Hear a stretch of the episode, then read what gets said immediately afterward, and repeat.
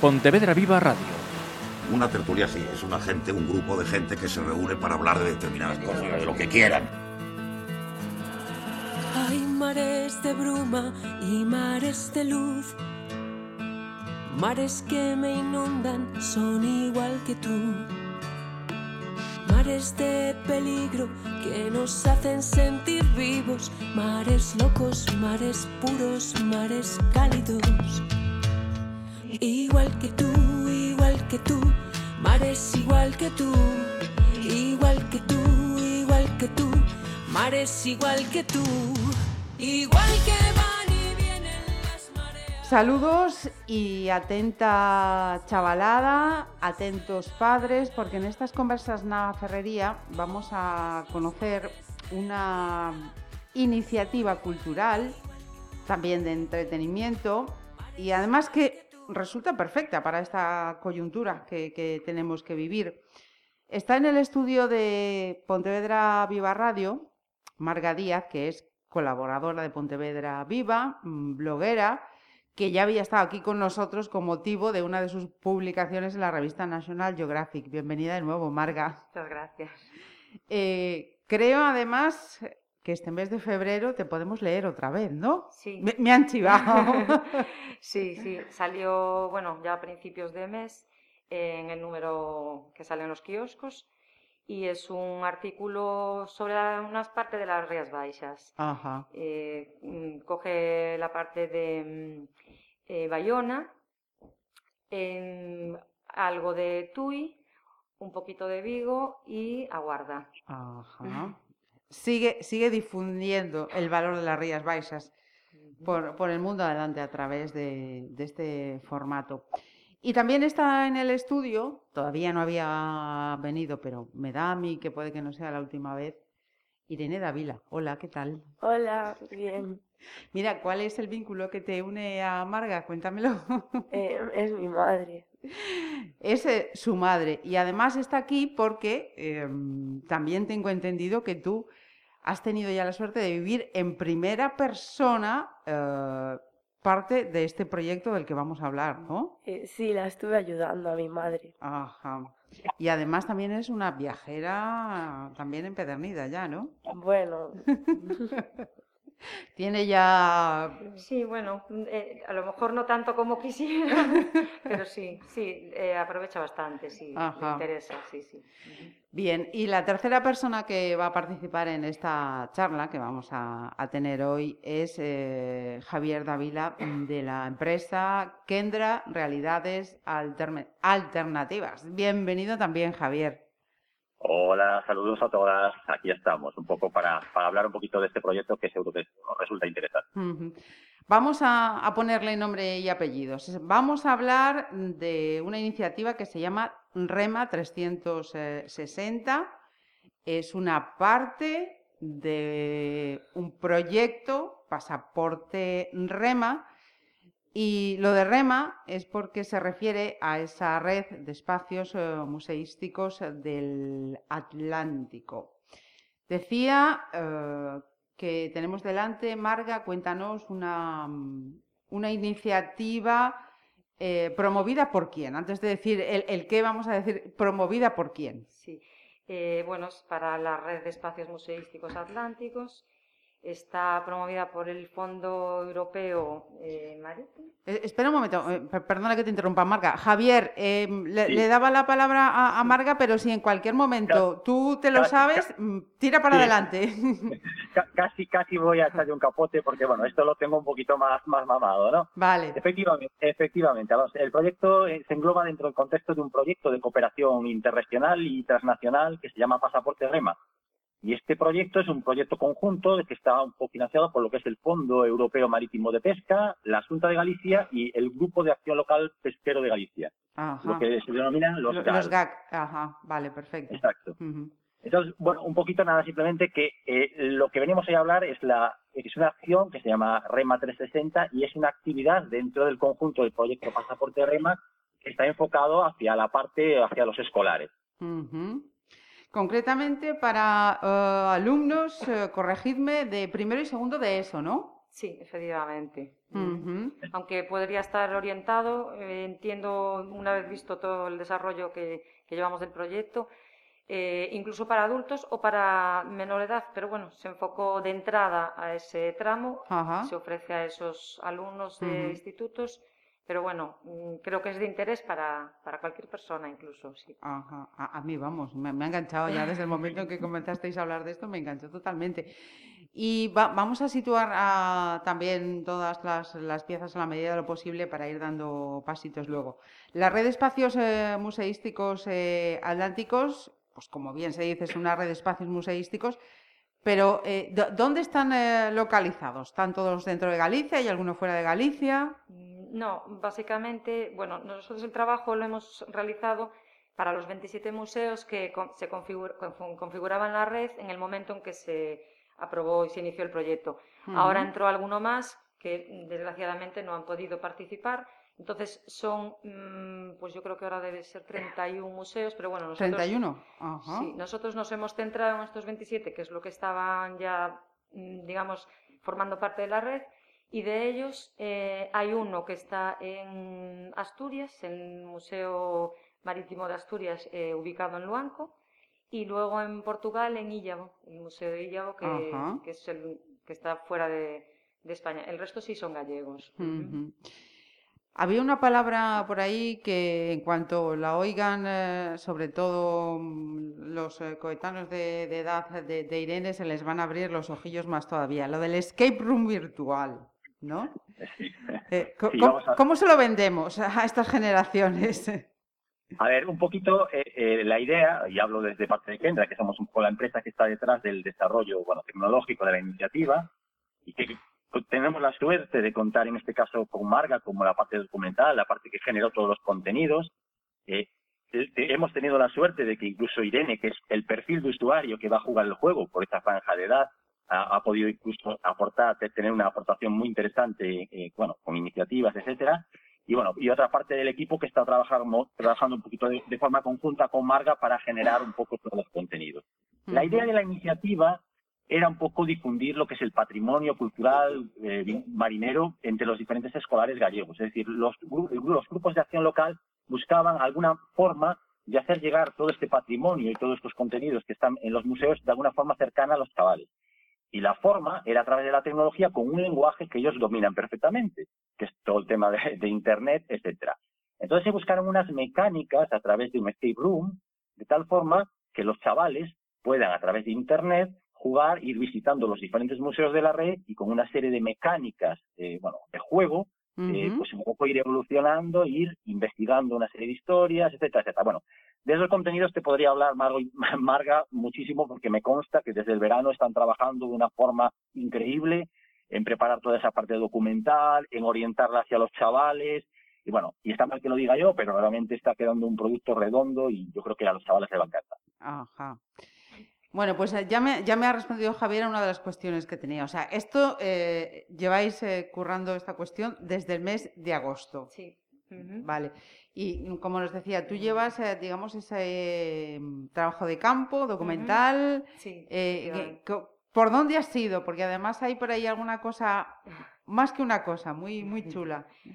Pues bueno, pues la verdad que los desplazamientos mm, han sido, eh, digamos, sorpresivamente incluso mucho mejor de lo, de lo que esperábamos, tanto por la colaboración en general de, de todos los museos y, en casos eh, particulares incluso más allá de lo, de lo esperado, pero siempre muy, muy bien, y sobre todo por, la, por lo, lo que descubrimos eh, en todos estos lugares. Es decir, eh, bueno, Javier hablaba ahora de, del acercar el tema ¿no? de marinero a, los chavales, pero. Yo incluso diría que va mucho, mucho más allá. O sea, evidentemente el tema marinero, que además es eh, impresionante, mm, está muy, muy presente y es un porcentaje muy, muy grande. Pero no se limita solo a eso. eh, hemos conocido lugares con yacimientos romanos, eh, lugares donde mm, se pone en valor las tradiciones, no solo del mar, sino de la tierra. Esto, lugares donde puedes conocer eh, aspectos biológicos, Ajá. aspectos... em, Hasta históricos, descubrimiento de América, tengo por aquí en la chuleta. Sí, Ujú. sí. Cada museo es un mundo y la verdad es que quien piense, porque te diré, confieso que cuando empezamos el proyecto, bueno, eh, eh, yo siempre fui muy ilusionada porque, bueno, me gusta, pues eso, como sabéis, me gusta viajar y me gusta eh, visitar sitios, pero empecé un poco con la mm, idea de, bueno, voy a ver muchas anclas, muchos barcos y, y muchas redes, ¿no? Y está muy bien, pero digo, uff, 27 museos, 27 puntos, pero es que no ha habido uno solo en el que haya podido decir, mm, pues, mm, ya, esto ya está visto, Sí. esto no, o sea, es... Cada uno eh, tenía sí, su sí, encanto. tiene muchas particularidades exactamente y bueno, nosotros lo que, nosotros lo que intentamos es ponerlas en relieve, no quedarnos solo en presentar una serie de objetos, sino darles eh, el sentido real que tienen, que es pues toda esa tradición eh, y acontecimientos que están ahí, anécdotas que son muy sorprendentes, algunas mm, casi parecen leyenda, pero muchas incluso que lo parecen no lo son, o sea, hay aspectos interesantísimos. Vale, entonces, eh, tú has hecho todos esos viajes. Eh, los has recogido fotográficamente eh, y además, eh, aparte de esta mm, vertiente, vamos a decir, real, física que está ahí, también has añadido una parte no real, ¿no? Cuéntanos esa otra parte que es. Sí, bueno, eh, tratábamos, eso fue pues, una idea que Kendra tenía de darle un, un aspecto, aparte de cultural, que es importantísimo en el proyecto, pero lógicamente a los niños, a los También chavales. esa parte lúdica. Exactamente, Mm. sí, a los chavales que no son niños ya, más son chavales ya, eh, hay que darle una parte lúdica que la tienen ya por el tema de que es un juego, un escape room, pero además pues una historia como un poco hilo conductor de todo esto. Entonces, bueno, pues el planteamiento era hacer un- una especie de relato con un pequeño toque así de misterio por detrás de todo lo que van viendo en los museos. Ajá. Entonces, Javier, eh, con, todo ese ingente material que me imagino que, os pasa, Marga, vosotros decís, bueno, ahora llega nuestra parte, como tú decías, ¿no? Y llevar ese desarrollo al ámbito eh, virtual. ¿Ha sido el, el primer trabajo de este tipo que habíais hecho? ¿O, o también eh, teníais eso ya, mm, una, una experiencia para decir, bueno, sí, esto encaja así, esto va así? Cuéntanos, por favor. A ver, eh, no, no, o sea, como proyecto, digo, bueno, como enfoque de proyecto sí que es eh, innovador. No las tecnologías que están detrás del proyecto, porque bueno, nosotros somos- una empresa tecnológica, desarrollamos eh, realidad, realidad aumentada, realidad virtual, incluso tenemos ahora una línea de desarrollo que es muy enfocada hacia el turismo. Ajá. Incluso hemos acuñado el concepto de ciudad aumentada, de tal forma que los visitantes tengan unos recursos adicionales cuando visitan una ciudad de una forma mucho más amena e intuitiva. Entonces, bueno, la experiencia, digamos, en las tecnologías la teníamos. El enfoque es un poquito diferente. Es decir, nos apoyamos en la parte documental de Marga y en otros compañeros que tienen experiencia en coger esa parte documental y llevarla a una mecánica de juego. Ajá. Y a nosotros un poco nos, nos tocaba pues varias partes, es decir, varias patas. Y por un lado, eh, organizar un poco esas, esas diferentes facetas. Por otro lado, llevar estas, digamos, lo que está en papel a la programación, digamos, porque Ujú. eso detrás tiene una programación y unas mecánicas de juego, etcétera, etcétera. Entonces, un poco dar, ir dándole forma a todo ese contenido que Marga trabajaba y que otras compañeras de, del- bueno, de, la, de la empresa iban dándole forma como mecánicas de juego y hacer ese montaje. No ha sido novedoso en cuanto al uso de tecnologías, porque esto trabaja con imágenes 360, elementos interactivos, espacios web, etcétera, etcétera, que no nos es extraño como lenguaje, pero sí que el enfoque, eh, pretendemos que sea que llevar un, un poco el concepto de un escape room a un modelo físico, un poco aprovechando aparte toda la situación del COVID, donde no se pueden hacer actividades presenciales, era un poquito el caldo de cultivo y el, y- y el marco idóneo para hacer este tipo de actividades. Perfecto. Em, Javier, antes de preguntarte la siguiente eh, cuestión, voy, voy con, con Irene. Em, ¿Te podemos llamar la testeadora de este proyecto? ¿Me lo permites? Sí. Cu- cuéntanos, ¿cómo ha sido ir probando esto? ¿A ti qué te, ha- qué te ha parecido? A ver, a mí el proyecto me gustó mucho porque al ir con mi madre y ya había ido a algunos otros viajes y le ayudaba a hacer algunas fotos y entonces me gustó mucho y pensaba que iba a ser como más rollo porque, porque como eran museos, a mí me gustan los museos, pero ir a tantos, pero, pero al ir con mi madre, y aparte la gente era muy agradable, y, y entonces fue, mm, en verdad fue divertido, porque ir por todos los museos y cada uno tenía algo diferente y cosas muy guays, Ajá. entonces. ¿Y la parte virtual has tenido ocasión también de probarla? Eh, sí, bueno, probé, porque como em, va, mm, va por los institutos, pues probé también con el ordenador de mi instituto para ver si iba y me parece que está quedando bien. Ajá. Eh, Javier Marga, o sea que la testeadora eh, número uno mm, da el ok. Sí, a ver, bueno, básicamente un poco eh, lo que se pretendía es eso. es- es- Irene lo que aporta es un poco la visión desde el público objetivo que va a Claro. desarrollar el juego Ajá. y que nosotros a lo mejor como adultos determinadas mecánicas, cuando se, ha- se habla de juegos se establecen mecánicas, juegos, puzzles, que a lo mejor a priori nos pueden ser sencillos, pero desde una óptica de un chaval de, de la edad nos puede decir, uy, es que esto no lo entiendo. Fíjate, una anécdota te quería comentar. Sí. Nosotros planteábamos, eh, bueno, hay unas, la historia, bueno, no sé si Marga llegó a contar un poquito la historia, que Le- es una historia muy Le, chula. le preguntaré si está previsto, está previsto. Va- Vale, pues simplemente nosotros había una mecánica que era, bueno, hay una forma de, conectar, de comunicarte con los chavales que era a través de un walkie-talkie y tenías que sintonizar una frecuencia. Pues la primera pregunta fue, ¿qué es eso de un walkie-talkie? ¿Qué es eso de la sea, Claro, lo que a nosotros nos puede parecer. Entonces, claro, eso dice, ostras, estamos dando por hecho que lo van a entender Claro. cuando no, no, no, tiene que ser algo, un concepto mucho más sencillo. O sea, mane- o sea, por eso es muchas veces manejar el lenguaje que ellos entiendan. Y esto ahí es donde realmente percibes un poco este, este feedback, del, del- de, de- en este caso de Irene, ¿no? O de Irene o, o de gente de, de la edad que va a usar el. Sí, señor. Eh, Marga, decía Javier, eso, hay, hay una historia. Eh, hasta donde puedas y, y lo que puedas contarnos de, de la historia eh, que está arraigada, por lo que ya me avanzaba. Estoy aquí hablando de la chuleta como tal y ha sido Marga la que me ha estado dando los datos. Venga, vamos a desvelar aquí. Eso sí lo vamos a desvelar. Eh, hay un personaje eh, femenino, real, que ha Sí. tenido mucho que ver con, con tu trabajo. Sí, y la verdad, además, yo se lo quiero agradecer sin, sin haber, digamos que sin su consentimiento. Ahora sí que, bueno, otras personas del proyecto han hablado con ella y sí lo han comentado, que le ha parecido muy bien, yo no, no tenía la menor duda. Eh, bueno, yo, esta persona, mm, digamos que la encontré, por decirlo de alguna manera, mm, navegando por internet, cuando vengo de, de coger documentación de los museos y de los entornos, que también se hacía un poquito para, digamos, eh, mm, ubicar ¿no? en la zona concreta cada museo, Ajá. pues eh, casualmente me encuentro con mm, un, artículo, que luego no eran uno, eran unos cuantos, sobre una persona da Costa da Morte, que es Cristina La Farera, Ajá. que mm, estuvo en activo hasta hace muy poquito, se jubiló hace muy poco, y una persona que para mí eh, me llamó tanto la atención y me pareció tan particular y yo casi diría dentro de lo que es una mujer normal, para mí admirable, ¿no?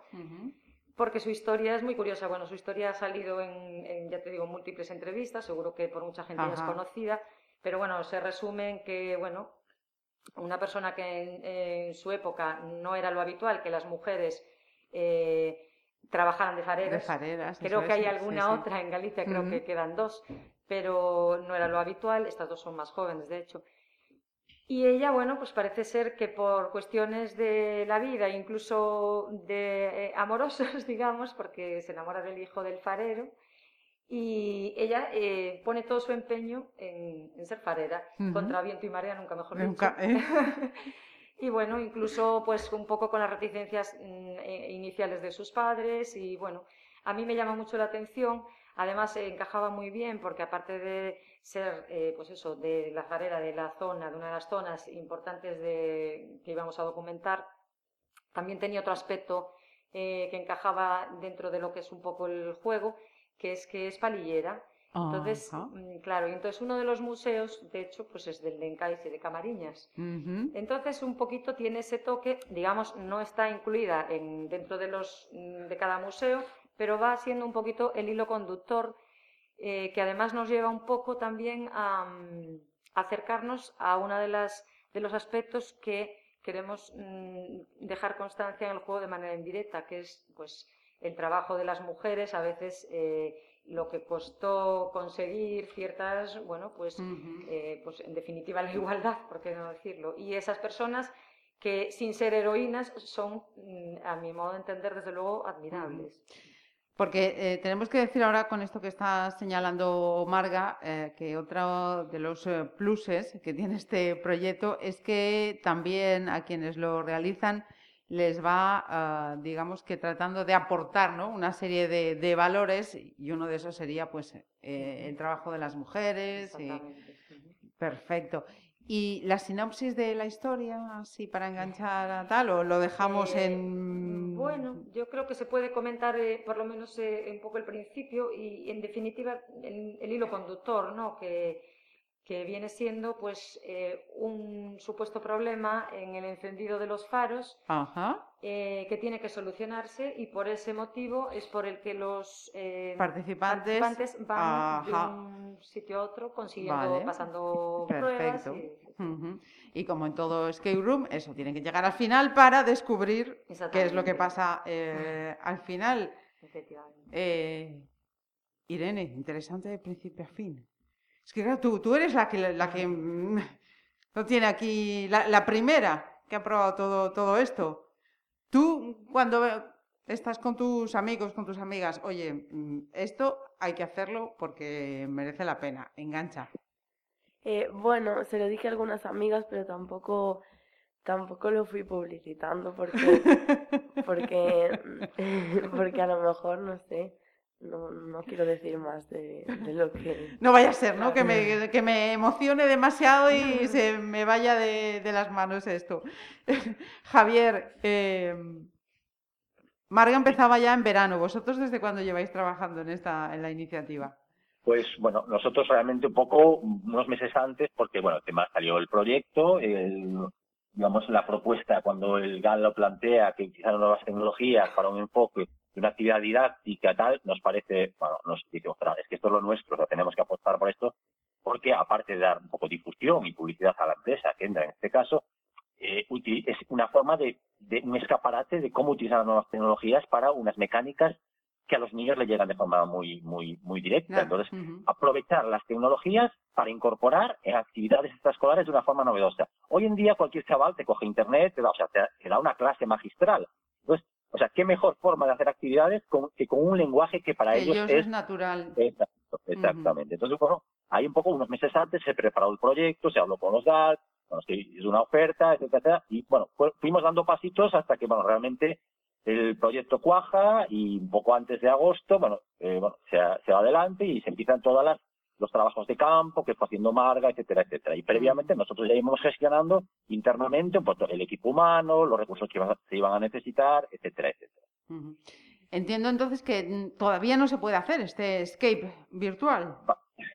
Vamos a ver, no, eh, la idea es un poquito, y esto es- ha ido un poco eh, aplazando, pero un poco eh, provocado por la situación.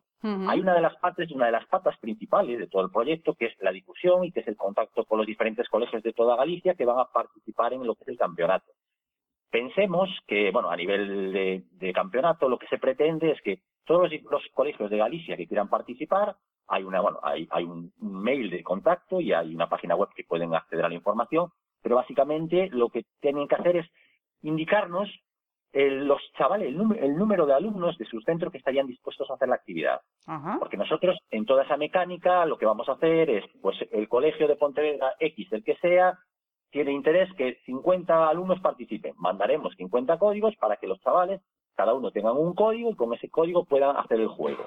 ¿Por qué? Porque esos chavales en el campeonato van a representar a, representar a ese centro. Entonces, las notas, no, las puntuaciones medias de todos estos chavales van a representar a este a ese centro en el campeonato. en toda Galicia.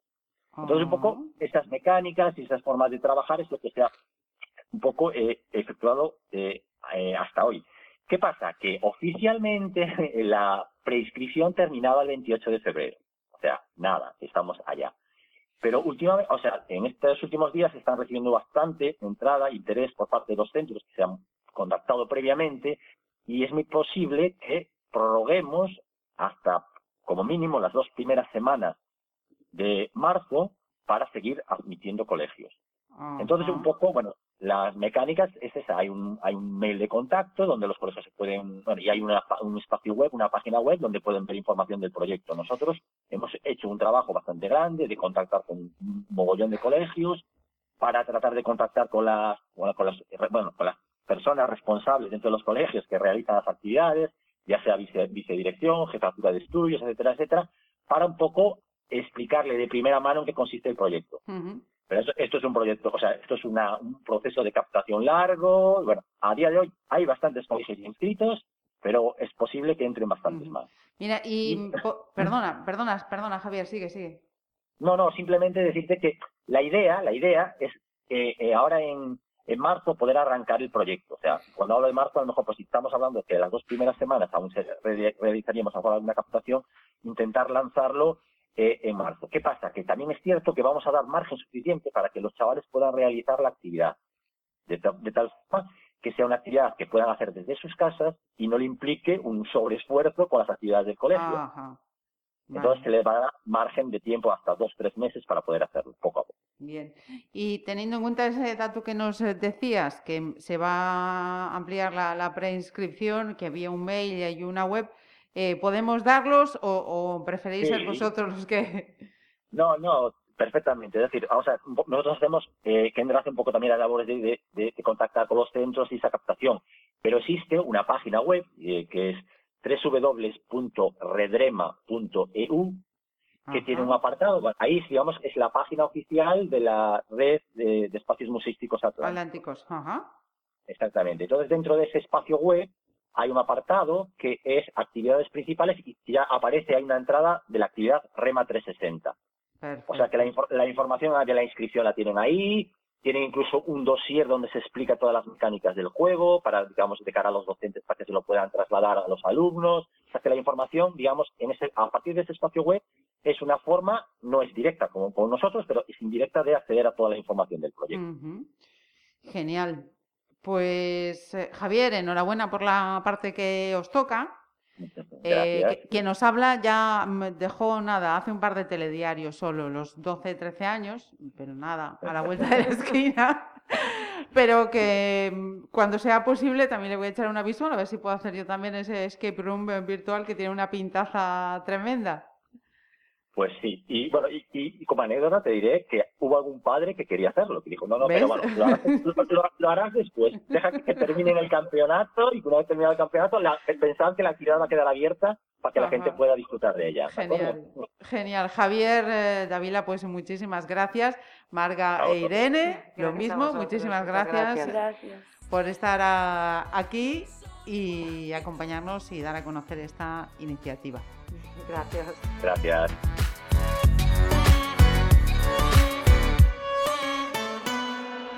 Mares igual que tú. Mares igual que tú.